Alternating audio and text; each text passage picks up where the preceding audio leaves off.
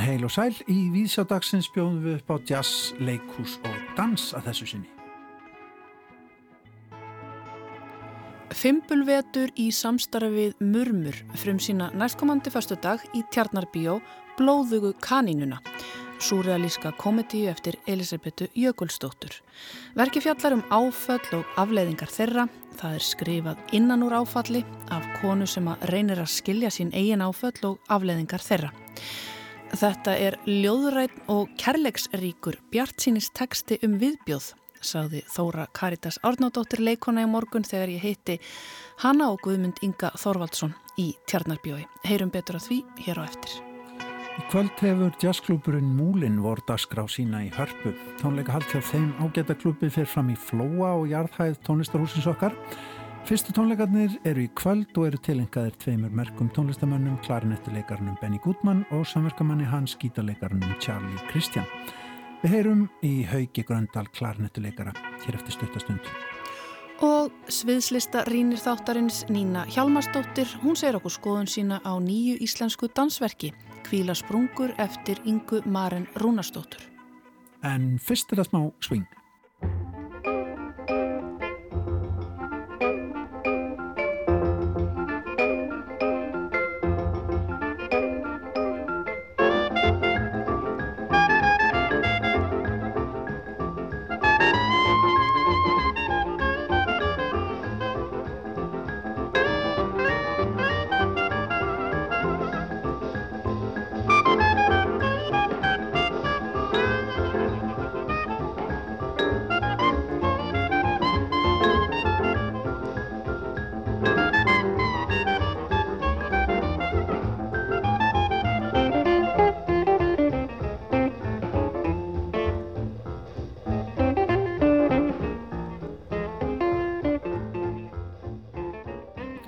Jazzklúburinn Múlin er að fara af stað í kvöld. Já, vor dagskrá þess ágæta klúbs að hefjast í hörpu. Tónleikar fara fram í Flóa sem er fyrirtagstónleikastæður. Í kvöld á að hylla þar tvo merkilega tónlistamenn, klarnettur leikaran Benny Goodman og gítarleikaran Charlie Christian. Þetta eru svona tribut tónleikar þeim til heiðus.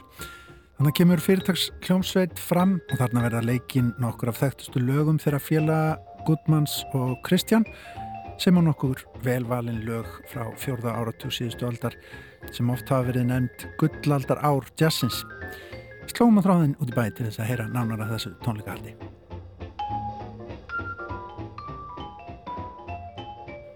Haugur Gröndal á línunni, Haugur, sko, rifjum upp bara kannski þín fyrstu kynni af Benny Goodman. Ég veit þú ert hrifin á hann. Já, þetta er ég þarf að fara svolítið langt aftur það sem hafa nú þannig að ég fór að læra á klarinett sem krakki hérna allir hafi verið svona 9-10 ára gammal og þá var nú svona það sem að var verið að halda að manni mest var alltaf klassikinn og vissulega tengdi ég við það á ágætan hátt en ég var samt að leita einhverju öðrum tónum aðna líka. Og svo var það þannig bara að ég sem sagt var í Lúðrafsöndur Reykjavíkur og þar voru nokkrið af svona þessum eldri herramönnum sem hafðu spilað hérna jazz á Íslandi já, jáfnveil bara alltaf til ásins 1950 þá var til dæmis átni Elvar heitinn píjánuleikari Guðmundur Nordal Björsi R. Einarsson Björnir Einarsson mm. og fleiri og og það var Þóran Óskarsson meðal annars básónleika sem var með Dixieland hljómsettir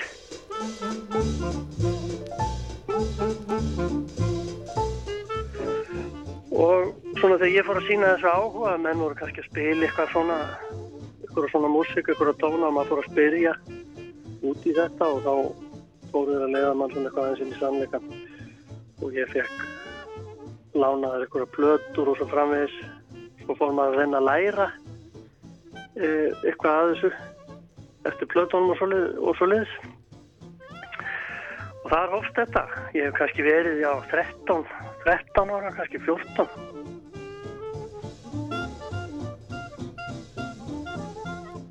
Sko er þetta leið, leiða mann í sannleikan, þú orðar að þannig, er þetta stór sannleikur, Benny Goodman?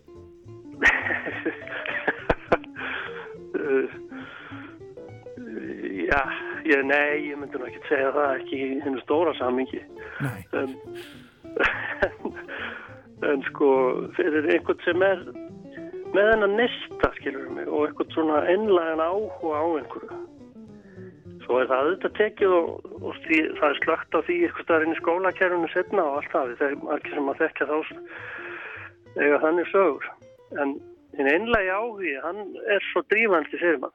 Þá trú hefur maður þannig trú á þessu að, manni fyrst eins og þetta sé bara að leysa fyrir manni lífskátuna. Einmitt.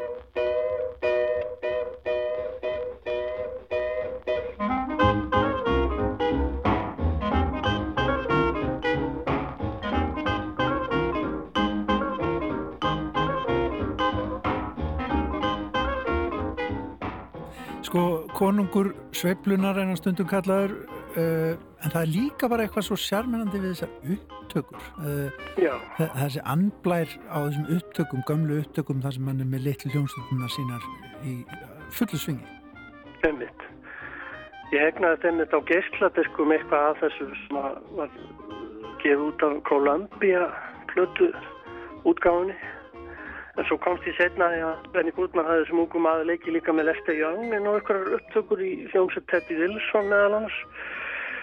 En alltaf kongur sveiflunar þetta maður kemst kannski að því setna að maður fyrir að lesa einhverjar uh, svona sagfræði út eftir á þessu að, að, að þetta er þetta bara sölu vara eins og allt annað. Já, merkimiði. Já, bara eitthvað merkimiði á akkurat hann. Það voru svo margir aðrir hljóðfara leikarar og ímislegt sem að menn sem hann til dæmis byggði sitt byggband upp á útsetningum eftir, eftir menn sem að voru sem sagt það er ekki aðstöðu til þess að voru ekki aðstöðu, aðstöðu til þess að vera nefndir kongarsefluna vegna litarhaft og svo framvegis þannig að þetta er svolítið svona þetta vekur upp margar spurningar þegar maður fyrir að kynna sér þetta. En sko það að skinja músikina sem ungur drengur eins og ég það breytti engu fyrir mig ykkur, ykkur sakfræðileg út eftir á því skilur mig. Það er bara reyn skinnjum, það er eitthvað bara við þetta sem að heitlaði mig. Það er bara setni tíma grúsk svona? Setni tíma grúskið það er svona, uh, hérna, þá fer að málna þess í, í, í hérna undir, undirstöðunum á, á, á þessu, að sjálfsögðu eins og gengur. Einmitt. Charlie, Charlie, let's play the blues in B.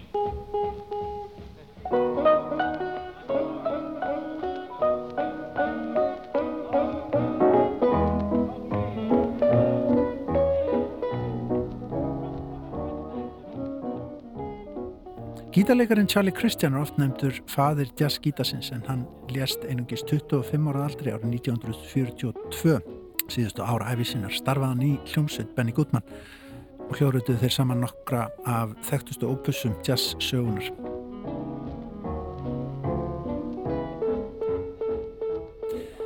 Þessi maður Charlie Christian samstagsmaður Goodmans uh, hann var eiginlega bara eins og, hvað maður segja, bara eins og já, stjarnar sem að skauðst yfir stjórnuhiminin og hvarf svo.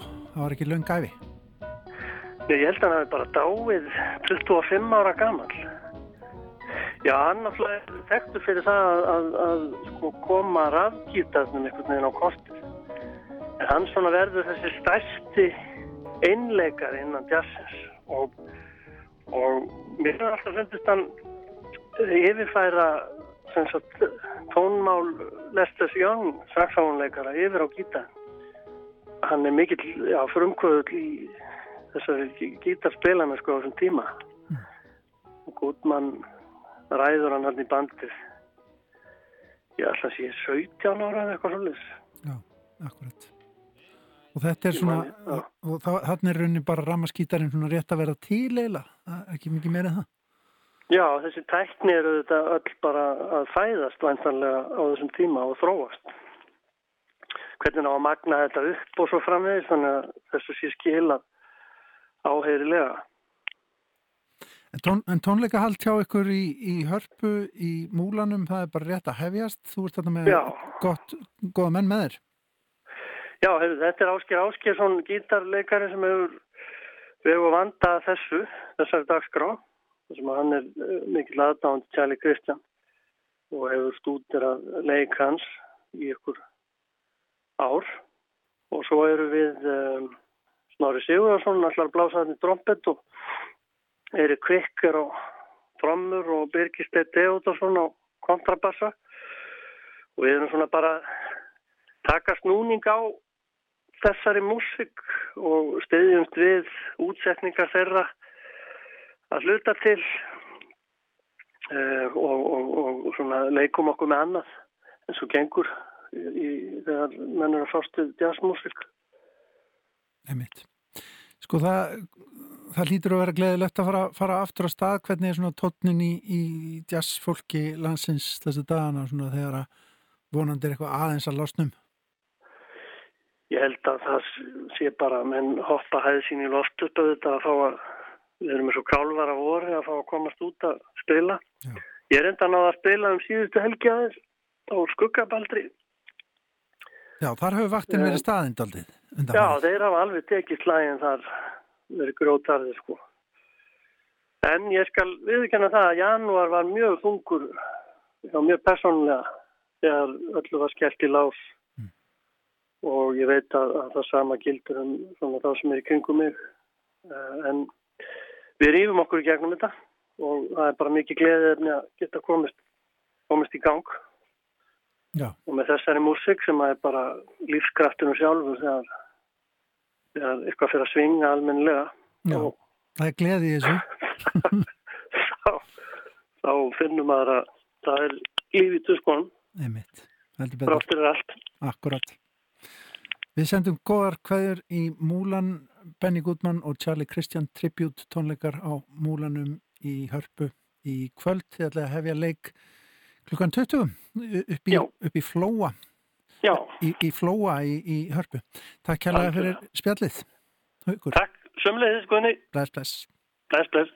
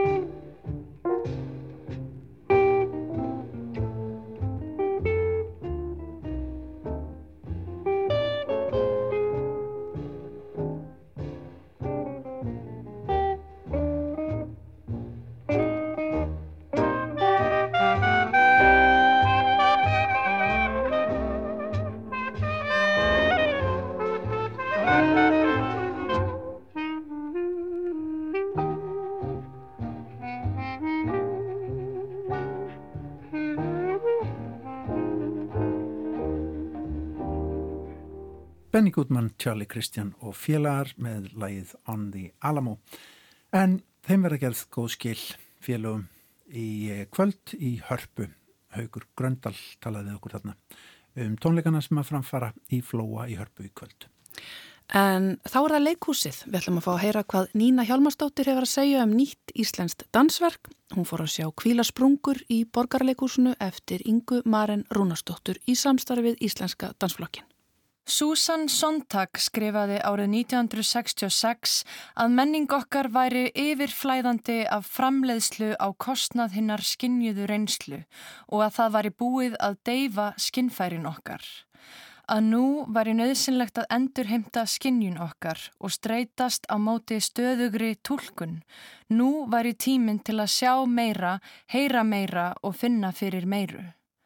Þessi orð eigi ekki síður erindi í dag árið 2022 þegar við, og þá meina ég fólkið sem var vant að upplifa sviðslistir í sinni þrengstu eða víðustu mynd, erum að skunda aftur í menningarrýmin eftir langan dvala. Því eru skinnfærin okkar riðguð, ofurnæm og svöng í listrænar upplifanir. Aftur á móti eru listamennir, eins og allir aðrir, að reyna að melda hvað gerðist eiginlega síðustu tvö ár. Í dansverkinu Kvíla sprungur eftir Ingu Marinni Rúnarstóttur sem var frumflutt á förstudagskvöldið í uppsetningu Íslenska dansflokksins er höfundurinn einmitt að nota dansformið til að velta fyrir sér áhrifum áfalla á heið innra líf. Hún hefur líst því í viðtölum að verkið sé innblásið af tilneyingu fólks til að láta allt líta vel út á yfirborðinu en fela ósýnileg sár sem búa raunverulega undir niðri, sem kvíla eins og jökla sprungur sem er búið að fenna yfir. Það hefði jafnvel verið betra að vita sem minnstum ætlunarverk höfundar áður en á verkið var farið því ólsjálfrátt var ímyndunaraflinu þar með settar skorður. Því órætt dansverk sem þetta hefur einmitt möguleikan á að bjóða upp á endalösar merkingar. Dansinn enginnist af mjúkum, hreyfingum og fallegum formum, ákveðin stíl sem dansflokkurinn kann vel og skal ekki miskilja að mjúkt sé það sama og einfalt. Áhörandi getur lesið úr dansinum einsemt og erfiðleika en jafnframt samheldni samfélag sem tekur utanum þá sem falla úr lestinni. Dans er afbræðsmiðill til að fjalla um margslungnar tilfinningar. Viðfóngsefni sem er klísja en mjög djúsi klísja. Sjálfur dansinn, hreyfingarnar og tólkun dansaranna hefði útaf fyrir sig verið alveg nóg efni í ágættis verk. Dansararnir á sviðinu hafa augljóslega lagt til stóran hluta efnisins og var tæknin í dansinum mjög áhrifamikil, svo mikil að stundum var erfitt að meðtaka hvernig þau flugu svo þokkafull um sviðið. Dansin sjálfur er því sterkar hlið verksins og má nefna blæbreðaríka tólkun eins og í duett Ernu Gunnarsdóttur og Sigurðar Andriðan Sigurgerssonar við Rauða Lýsingu sem á einlæg augnablík í sólóum Áskers Helga Magnússonar. Það var auðljóst að þau voru að gefa mikið af sjálfum sér í performansin og ekki annað hægt en að vera snortin. Hljóðmynd Óttars Sæmundsen og Stefan Stefensen var að einhverju leiti sér smíðuð fyrir verkið. Hún var nærfærin og ítti undir tilfinningarnar, samspil, rafhljóða og lifandi strengjahljóða og fléttaðist hún vel við dansin. Í verkinu gegnir sviðsmynd Júlíanu Láru Stengrimsdóttur mjög afgerandi hlutverki en hún varpar upp ljósmyndum af jöklum eftir hinn þekta ljósmyndara Rags sem baktjald og eru sviðsmynd og búningarnir gerð úr sama efni. Lýsing Pálma Jónssonar breytir því síðan hvaða litaskemi fá að njóta sín í hverri senu.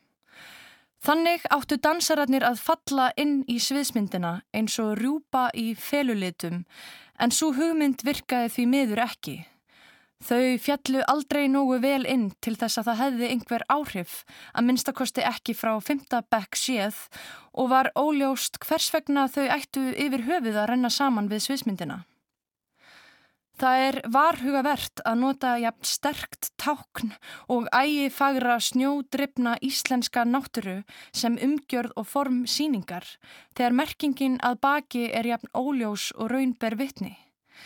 Myndir af sprungum í jökli hafa mjög sterka sögn og var tilgangur þeirra ekki skýr. Myndlíkingin um að sálræn áföll séu líkt og jökla sprungur er ekki næjanlega sterk til þess að dæmið gangi upp. Þessi ytri mynd í formi sviðsmyndar nær ekki þeirri tengingu við efni við dansins líkt og tilvar ætlast. Hún bætir engu við dansin heldur dregur aðtegli frá honum og tjáningunni um áföll sem hann á að miðla. Það sama gildir líka um búningana sem voru unnir út frá sviðsmyndinni. Þeir myndu einnig mikið á Jóman minstrin sem hafa gjörsamlega dominerað íslenskri tísku síðastliðin ár. Það er ekkert að segja að það sé nýtt á nálinni að nota íslenska náttúru í listaverki og í þessu tilfelli var ekki um neina ferska nálgun að ræða. Í þessu verki er ekki verið að fjalla um náttúruvernd eða bráðnandi jökla að ég best sé. Þetta tákn, hvítur jökullin, er hins vegar rosalega góð söluvara fyrir ímynd Íslands. Viðfásefni sem hefur verið mjög gaggringt í eftirlendu fræðum og dekolonial teóriu síðustu ára í samingi við hvítleika og exotisma. Því er mikilvægt að velta fyrir sér þeim áhrifum sem svona tákn hefur, bæði á áhörundur innanlands sem og ef verkið yrði sínt utan landsteinana. Sem áhærandi var ég skilin eftir með margar spurningar. Af hverju að taka tvíviðar myndir með sterku fingrafari frá ljósmyndarannum þekta og reyna að gera þær þrýviðar? Hvað á það að segja mér um samband manns og náttúru í þessu samengi við sálræn áföll sem búa innra með okkur? Var dansinn sjálfur ekki nóg til þess að miðla þessum tilfinningum til áhæranda? Þurfti þessa myndlíkingu um tilfinningar ofan á dansaðar tilfinningar? Þarf að nota alvöru myndir af sprungum. Ef mig sem áhörandi langar að fara á verk til að upplifa fallegan dans, þá er þetta fínasta síning til að sjá. En fyrir mig persónulega sem langar að kafa dýbra og sjá einhverja nýja nálgun, þá vantaði sterkari hugmynd. Það er augljóst að síningunni er dauðansalvara og er að reyna að koma einhverju á framfæri en er því meður kaffarð í yfirgnæfandi sviðsmynd sem tekur frá áhöröndunum þá reynslu að fá að upplifa verkið með skinnfærunum, að heyra, sjá og finna, leifa ímyndunaraflinu að njóta sín og finna sína eigin tólkun.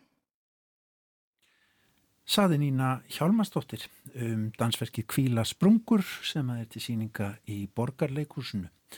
En í kvöld og annarkvöld mun nýr kvartett stíga á stokk í Sigurjónsafni á tónleikum. Kvartettin skipa Jóna G. Kolbrunadóttir Sóbrann, Kristín Svinsdóttir Messosóbrann, Eggert Regin Kjartansson, tenor og Unstein Átnarsson. Þau byrjuðu unga að koma fram sem söngvarar í Langholskirkju saman en hafa nú stopnað atvinnumanna kvartett. Þau hafa öll komið fram á óperusviðum, já, bæði hér heima og víða um Evrópu.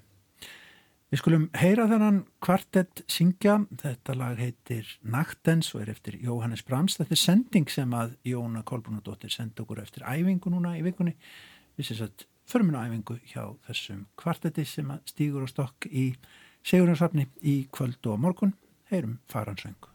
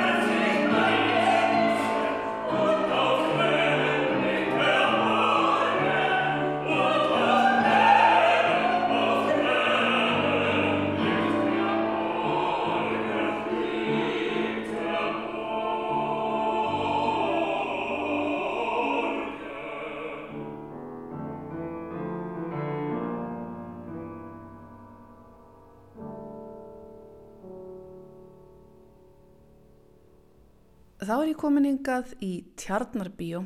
Hér er uh, nokkur frumsýninga orka í húsinu.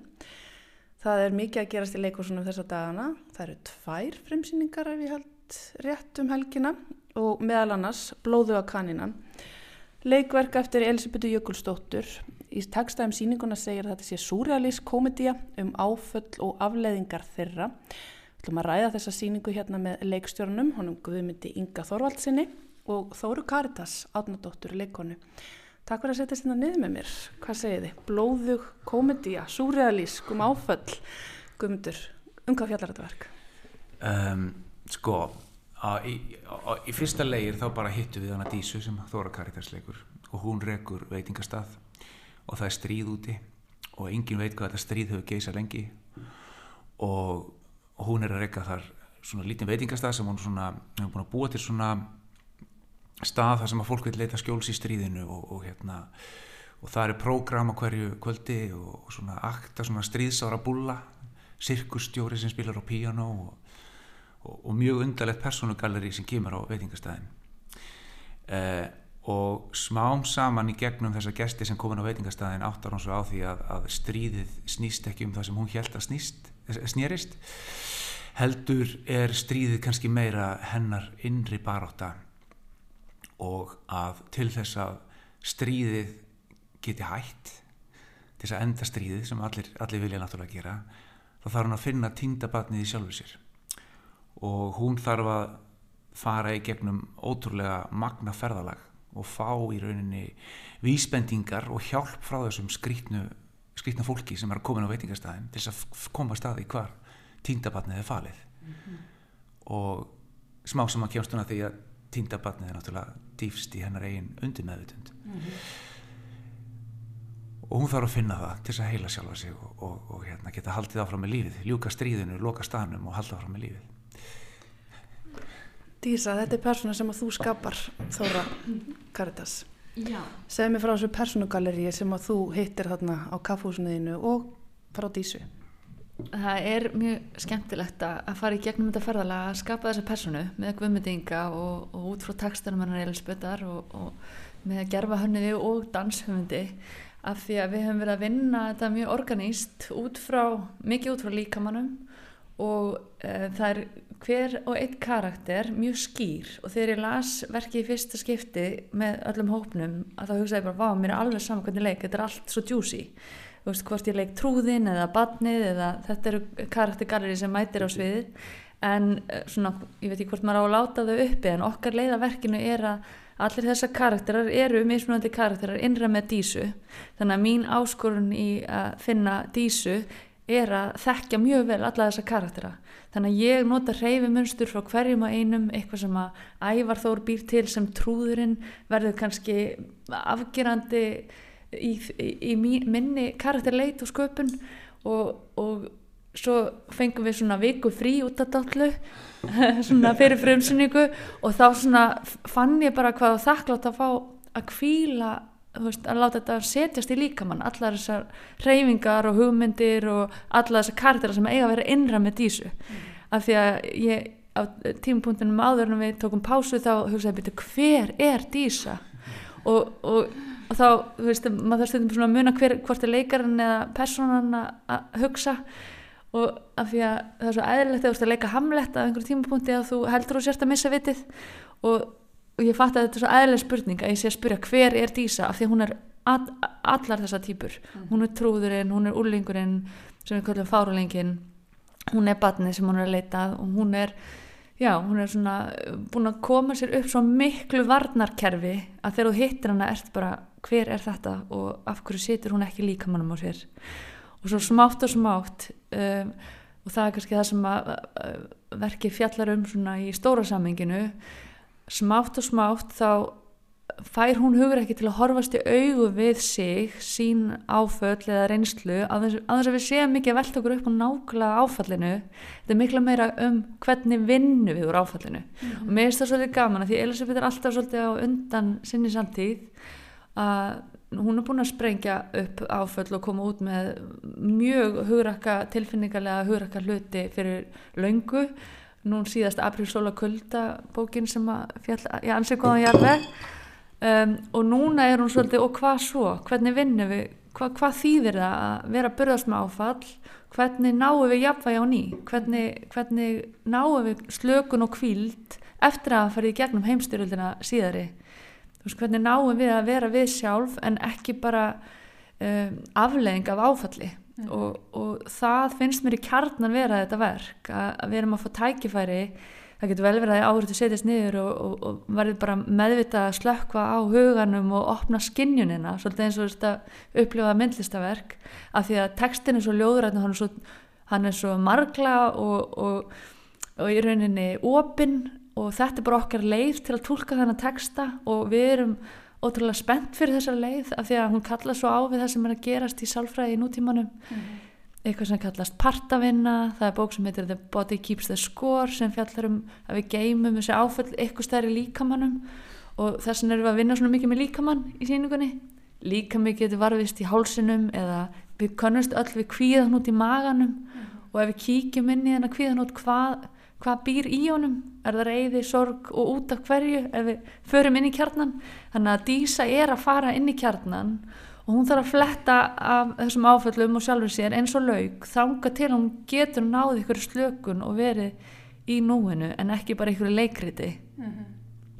Um, Guðmundur, marglega persóna sem þarf að fletta ofan af og í rauninni eru kannski þetta persónagalleri já, tengt henni, þetta er kannski einmanniska í stríðshrjáðu ástandi sem það þarf að vinna með reyfingar og margræðan texta hvernig gegstu inn í þetta verk? um Og kannski hvernig talaði það til þín? Hvar fannstu það? Af hverju? Já, já, já. Uh, sko, við erum sem gerum síningu saman sem hétt A, hérna 2017 líklega og erum miklu veinir, við byggum mjög nálat hvort öðru í Vesturbænum. Og hún fikk mjög, hún kom á eða allar æfingar sem hún gatt og alla síningar og hún er að gera það sama í okkur núna, hún bara, hún elskar leikúsi, náttúrulega alveg upp í leikúsi pappina náttúrulega var hérna þjóðskáldið á sínum tíma og hún bara hellar hennar bestu minningar og æskuður úr leikúsi þannig hún reyndi að koma jafn mikið hún gat og við vorum alltaf að spjalla um lífið og listina sem að gera við Elisabetu eh, á leðinni heim og hún fyrir að segja mér sér frá verki sem hún er búin að vera að skrifa alveg síðan 92 eh, sem heitir Mundu töfrana þar sem að hún er einhvern veginn svona í gegnum ævintýri að reyna að skilja eins, og, eins og ég skilða allavega af hverju hún lendir í svona miklum andlegum erfileikum en ekki einhverjir aðrir. Og það, hún leiði mér að lesa það verk og það verk var einhvern veginn bara þannig í læginu að, að ég sá ekki leið inn í það sem leikstjóri. Og, og hérna sagði henni það og, og ég, við reyndum eitthvað að vinna það og lásum það með einhverjum hóp og svona en, en það bara einhvern veginn gekk ekki. Svo, svo hérna er ég fagstjóri upp í listaháskóla og kemur ungur strákur í indukupróf með mónológ úr verkinu Blóða kanninun eftir Elisabetu og ég kváði að ég bara, ég held ég þekktu öll verkininnar og, og hérna og spurði hvað fannst þetta verk? Og hann sagði bara hérna nú bókasafni og eftir prófin notabenni hann komst inn, geggjaði mónulókur mónulókur fáralingsins og, og hann komst inn. Og hérna ég fyrir hann á bókasafn, finn þetta verk og, og, og les það. Og þar var heimur sem að var leikbær skýr heimur uh, um, um þetta stríð sem er ekki í hinu leikritinu. Það er stríð úti. Og það er einhver heimur sem hægt er að tengja við og þar var aðalpersona sem þurfti að fara í gegnum ákveðið ferðalag sem var mjög leikbært til þess að finna uh, serðabatni í sjálfu sér. Og ég ringdi í Elisabeth og sagði þetta, þetta verk skil ég og þetta myndi ég trista mig til að leikstýra má ég taka þetta verk og aðeins vinna í því og sína þér? Og ef þú ert sátt uh, má ég þá sækjum fyrir þetta verk? Blóða kanninan og hún sagði náttúrulega bara já og, og, og blessaði það sem ég gerði við verkið og við sóttum um og fengum hennar pening. Og það sem að það sem að hérna það sem að tala til mín í þessu er í rauninni að hún eins og hún bara er alltaf hún Elisabeth, hún er svona einhvers konar sjáandi og oft langt á undan sinni samtíð. Og þorir að tala um og fjallum hluti sem að enginn í hennar samtíð þorir að fjalla um. Og og það sem er svo ótrúlega fallegt við Elisabethu er að, að hún tapar aldrei húmórnum og gleðinni. Og hún sagði við mig svo fallega hlut einhvern tíma þegar vorum að ræða um lífið og listina þá vorum hún að tala um eitthvað í hennar lífi sem hafi verið erfitt og, og svo segir hún ég hef alltaf verið hamingisum í alvörunni, meiri sé að þegar það er gekk á vest þegar þú varst hvað mestu erfileikunum og, og varst í óbeldissambandi sem hún hefur skrifað um. Já, það er oft verið erfitt ég hef alltaf verið hamingisum og það finnst mér vera svo mikilvægt í, í öllu sem hún gerir að það er alltaf þessi trú á lífið trú á manneskjuna trú á einhvern aðri mátt náttúruna, fegurðin í lífinu og manneskjuna. Um, að því það væri hægt að skrifa verk um þetta efni áföll og áföllastreituröskun alvarlegt heimilisofbeldi og allt þetta sem hún talar um á mjög grimman og brútal og svona svartan hátt. Þannig að maður geti bara verið ónýtur og eftir en það er alltaf í henni þessi ótrúlega gleði og þetta er ævintýri um áfallastreituröskun. Og persónugalerið er ævintýri og, og, og hlutinir sko textin er einhver svona ótrúlega falleg ljóðurræna um alveg ótrúlega skrítna og erfiða og ofta tíðum ljóta hluti sko en hún kann einhvern veginn þess að list að segja frá þessu þannig að þú opnar hjarta þú fyrir ekki hérna uh, þetta er ógeðslegt, ég vil ekki heyra meira en þetta. Þú, þið langar alltaf að heyra meira þessum ótrúlega fallega texta. Mm -hmm.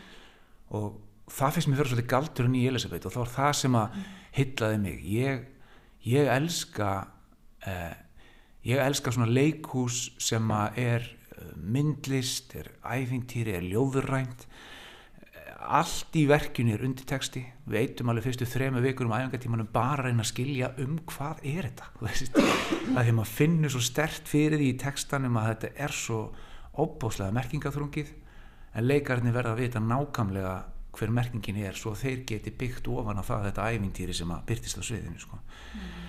þannig að það er nú bara svona það sem heitlaði mig við þetta sko. mm -hmm. Stóra orð um mikla listakonu Þóra Karitas, tekur undir þetta? Ævindir að heiminn sem að næra brjótast fram úr þessu svartnætti sem í rauninni kannski er verið að fjalla um? Já, það er það, minna, það má alveg leggja mellir hluta hvaða áfall er verið að tala um. Það er ekki áherslan á, á það heldur er þetta eitthvað svona fyrðulegur heimur sem áhörðin færa heimsækja og vonandi skinja og upplifa svolítið ævintýralega. Og mér fannst mjög gaman það, það við erum búin að vera að fá nokkra áhörður í hús og það var eitt sem sagði þetta er svona síning sem læti mann elska leikhúsið mm. mér fannst það ótrúlega falleg fa, svona, já, fa, falleg endurgjöf og, og svolítið svona kannski samræmi það sem ég er að upplifa í hópnum og algjörlega það sem Guðmundur Ingi er búin að leggja inn bara með, með sinni leikstjórn að hann, hann elskar leikarna sína og leikhúsið og það smittar og við erum all, svolítið saman í ástriðinni og, og þetta verk, hennar texti að baða sig í skálskap Elisabethar og vera svona lengi að greina og, og ákvaðferðalægið og, og finna svo hérna, það sem okkur finnst mest spennandi eftir að hafa pröfa ótrúlega og máta ótrúlega margt.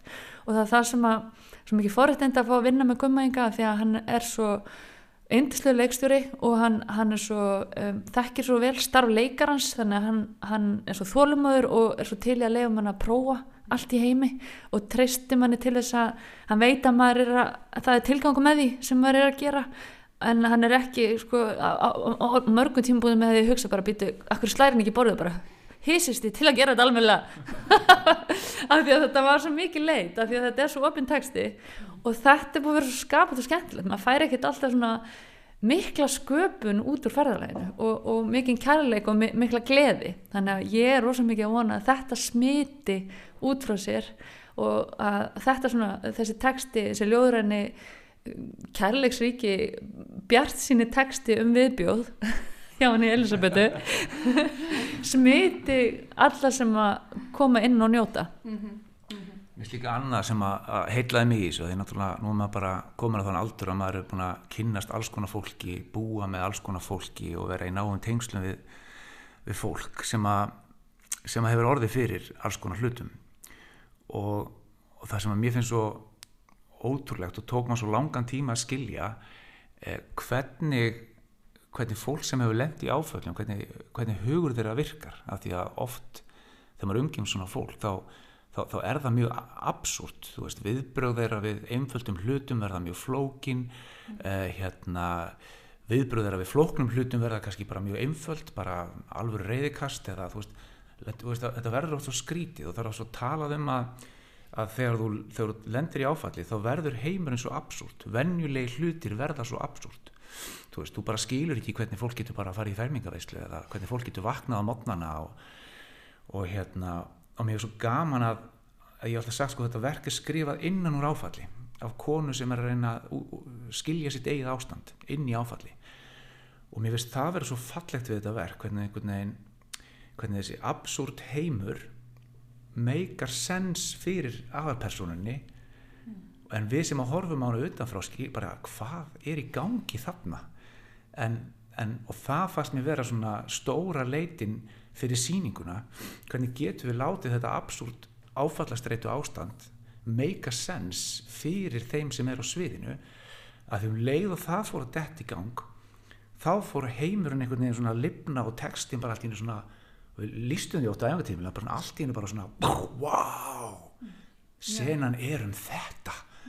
Þú veist það bara svona allt í einu þegar við leifðum okkur að vera bara inn í áfallinu og láta það meika fullkomin sens og finna hjartenginguna þar í fyrir verkið að þá sprakk verkið sko.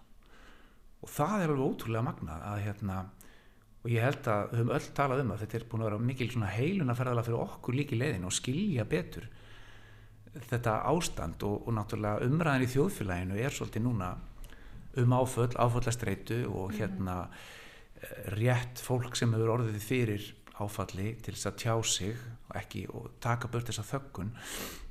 Og ég held af að ef fólk mæti með opnum huga á þessa síningu þá geti það lært mjög margt um hérna svona mannlega hegðun og kannski aukið vonandi á umbyrlindi og skilning. Svo er e, það er í verkinu sjálfu bara í skrifum Elisabeth þá er einhver óbúslega fegur því þetta er svona óður til sköpunar líka og hvaða er að skapa og hvað þarf, hvað þarf til að skapa og það er einn setning sem að batni í verkinu segir við dísu að, að það er þegar þú áttar þig á því að allir þessi fárleiki er lífið þitt þá getur þú byrjað að skapa.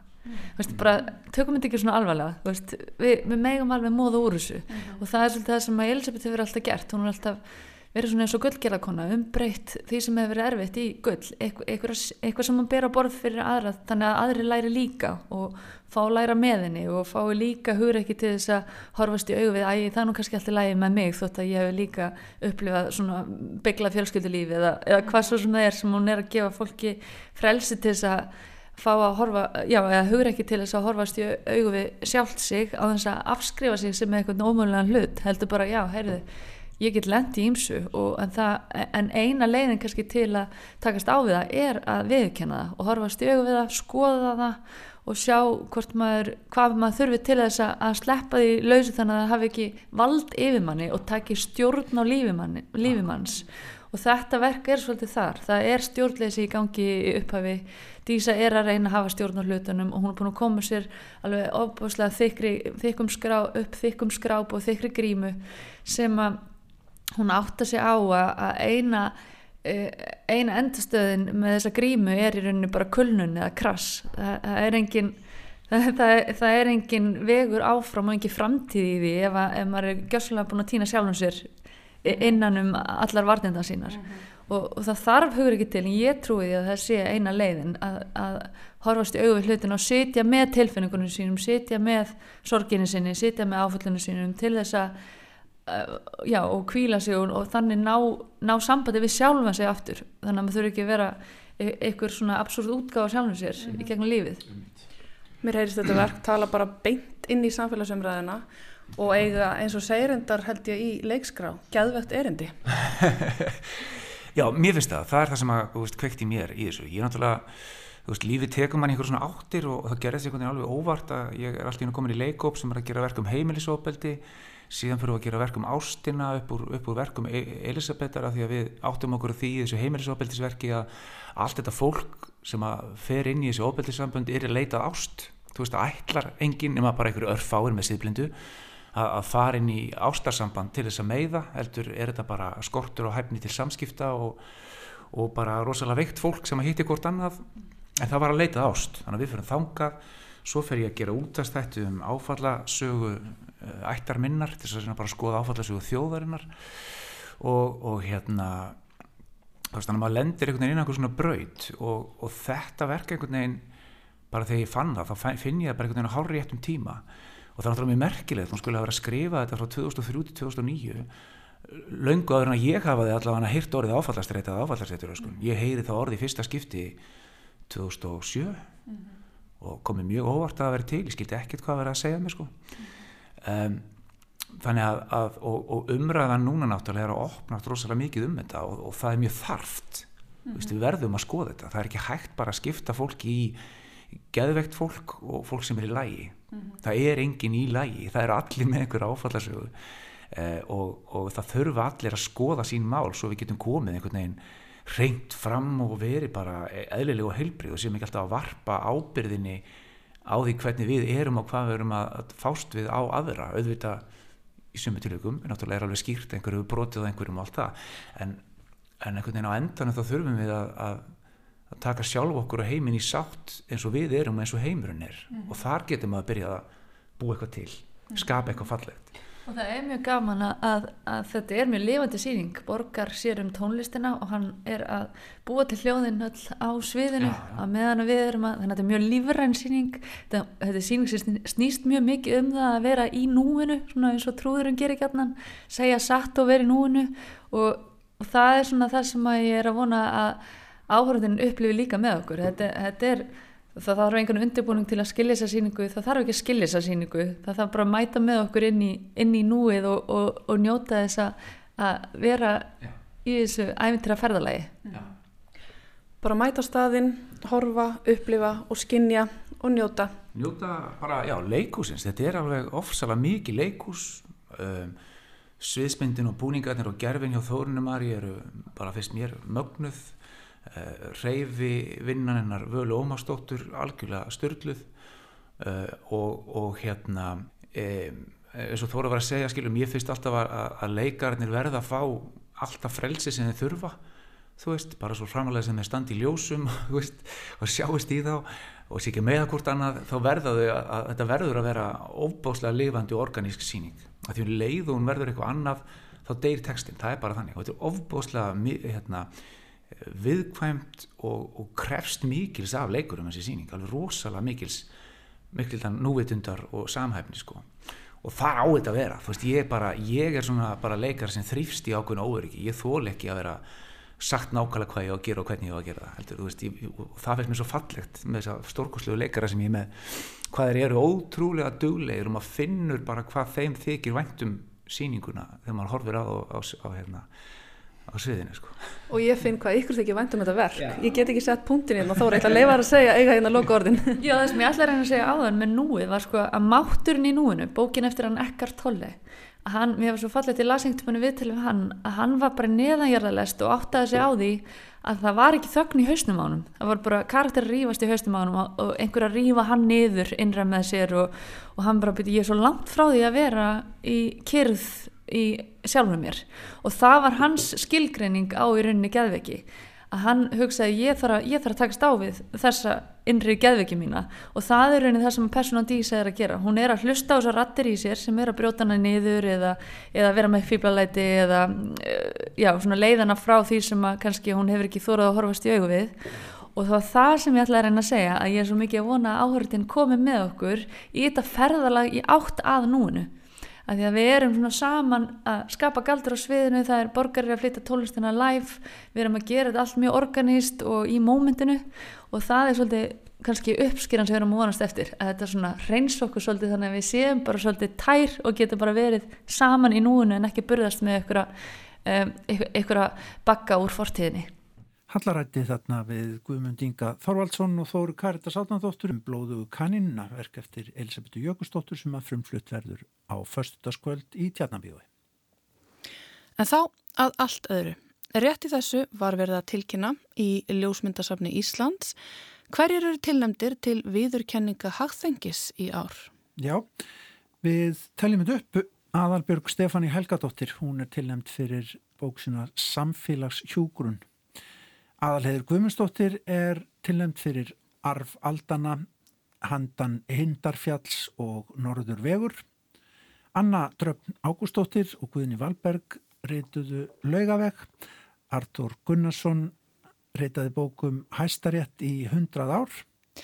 Auður Aðalsteinsdóttir þvílíkar ófreskjur vald og virkni rítum á íslensku bókmyndasviði. Guðrún Ása Grímstóttir, Sturlungasaga eða Íslendingasagan Mikla 1-3. Kristjana Kristinstóttir, Lénið Ísland, valdsmenn á Bessastöðum og skjálasap þeirra á 16. og 17. öld. Sórða Margret Tryggvadóttir og Linda Ólafsdóttir sem að reytuðu bókina Reykjavík barnana tímaflakkum höfuborgin okkar. Már Jónsson var rítstjóri Sapsins Galdur og Guðlast á 17. öld, Dómar og Bref 1-2 og Þorður Kristinsson og Björg Þorgersdóttir reytuðu bókina Kynjafræði fyrir byrjandur. Þetta eru sem sagt tilnefningar til viðkenningar Hagþengis fyrir útgáfa árið 2021. Glæsilegur hópur og við hér við séu óskum þeim innilega til hamingi með þessa tilnefningar svo kemur í ljós síðar hverjir munu hljóta þessa miklu viðurkenningu. Já, og svona ætlum að ljúka við sjá í dag á getur hlustendur við þakkum ykkur samfélgina. Verið sæl. Verið sæl.